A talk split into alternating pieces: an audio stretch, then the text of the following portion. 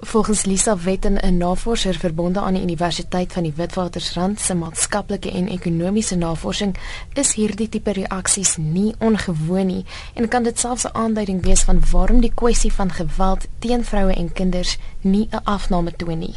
In a country with statistics as high as ours, you would expect that there would A, be people who are deeply opposed to hearing about violence against women in any way and would prefer to have it swept under the carpet in order to pretend that it doesn't exist. Or B, would have the kind of hostile attitude that allow violence to continue because they diminish it, trivialize and belittle it. So I think these kinds of comments help us to understand why it remains so difficult for us to do anything about violence. Van die reaksies wat weens hulle aard nie herhaal word nie, het onsensitief en aanvallend oorgekom teenoor die persoon om wie die storie gedraai het. Wetten sê dit kan beduidend wees op 'n aggressiewe vorm van seksisme.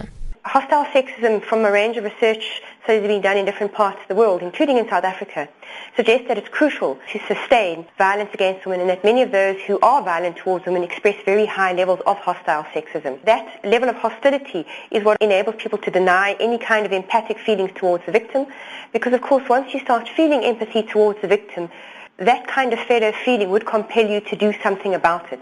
Martessa van Wyk, 'n traumatoloog, sê die emosionele ongemak wat mense ervaar as hulle stories soos die hoor, veroorsaak dat hulle nie altyd weet hoe om te reageer nie. Mense ervaar 'n emosionele ongemak oor wat om met ander mense se pyn te doen en dan gaan hulle oor en hulle maak sommer sulke aanmerking of enige reaksie maar hulle eie ongemak word eintlik daardeur weerspieël.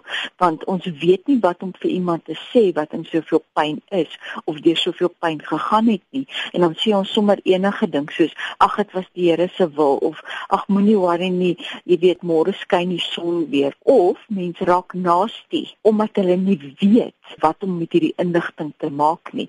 Dis amper half 'n skokreaksie. Wetten sê egter indien 'n mens verandering teweeg wil bring, dit in sommige gevalle noodsaaklik word om 'n mate van ongemak te skep. While people are comfortable with what's going on around them, there's no impetus or challenge to change.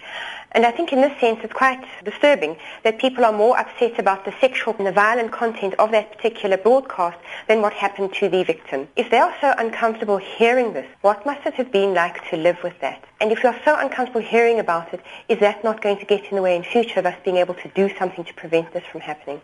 Dit is ook nodig om seker te maak dat inligting na die tyd gegee word wat mense in staat sal stel om hulp te kry as hulle in dieselfde situasie verkeer. Van Wyk sê ook dat stories soos die terapeutiese waarde kan inhou vir die wat dit vertel. Om te verseker dat die luisteraar ook waarde uit hierdie storie put, moet dit positief eindig. Die waarde lê daarin waar dit in 'n beskermende omgewing in die terapie die kamer waar dit gestruktureerd is. In ander woorde, 'n terapeut begelei jou deur die hele proses. En dan is dit verskriklik belangrik om jou storie te vertel. Dit is van onskatbare waarde vir die persoon wat die traumatiese ondervinding gehad het. Maar wat dan van 'n openbare platform soos Monitor? As iemand luister na die storie, het dit net soveel waarde. Wat egter 'n groot vraagteken is wat ons ook moet na gaan kyk is wanneer iemand die storie hoor en wanneer jy begin in baie detail die storie vertel, kan dit nogal 'n ontstellende effek hê. En ek dink dit is baie goed dat ons daaroor praat. Maar is dit nodig om soveel detail aan die persoon wat luister te gee? Van Wyk waarsku dat besonderhede in 'n terapeutiese konteks belangrik is, maar dat dit nie noodwendig altyd gepas is vir mense wat dit nie ervaar het nie.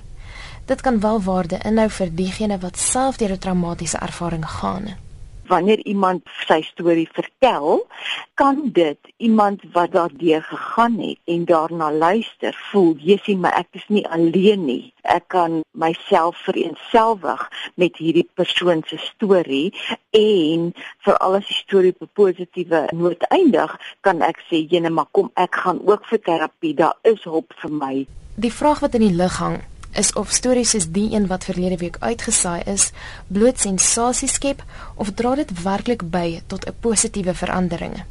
Anything that can contribute to public debate is very helpful. Although of course for that public debate to be able to change things, We need to move beyond people just shouting at each other and saying, you're right, you're wrong. There needs to be a genuine willingness to be able to listen to and accommodate those points of view. So I think even if people express views that are perhaps seem appalling, it is useful that they express so that we are able to engage with them and that hopefully we move people into thinking differently. Wetten sê terwyl dit belangrik is dat daar gefokus word op ekstreme gevalle, die meer subtiele gevalle soos emosionele mishandeling ook bespreek word sodat 'n beter kennis van mishandeling as geheel oorgedra kan word. It's important that we provide experience that illustrates the diversity and range of what abuse is like so that people get a properly nuanced and complex understanding of it as a phenomenon. En wat van die kinders wat hierdie storie gehoor het? Kan hulle getraumatiseer word deur 'n eenmalige blootstelling aan 'n ontstellende storie?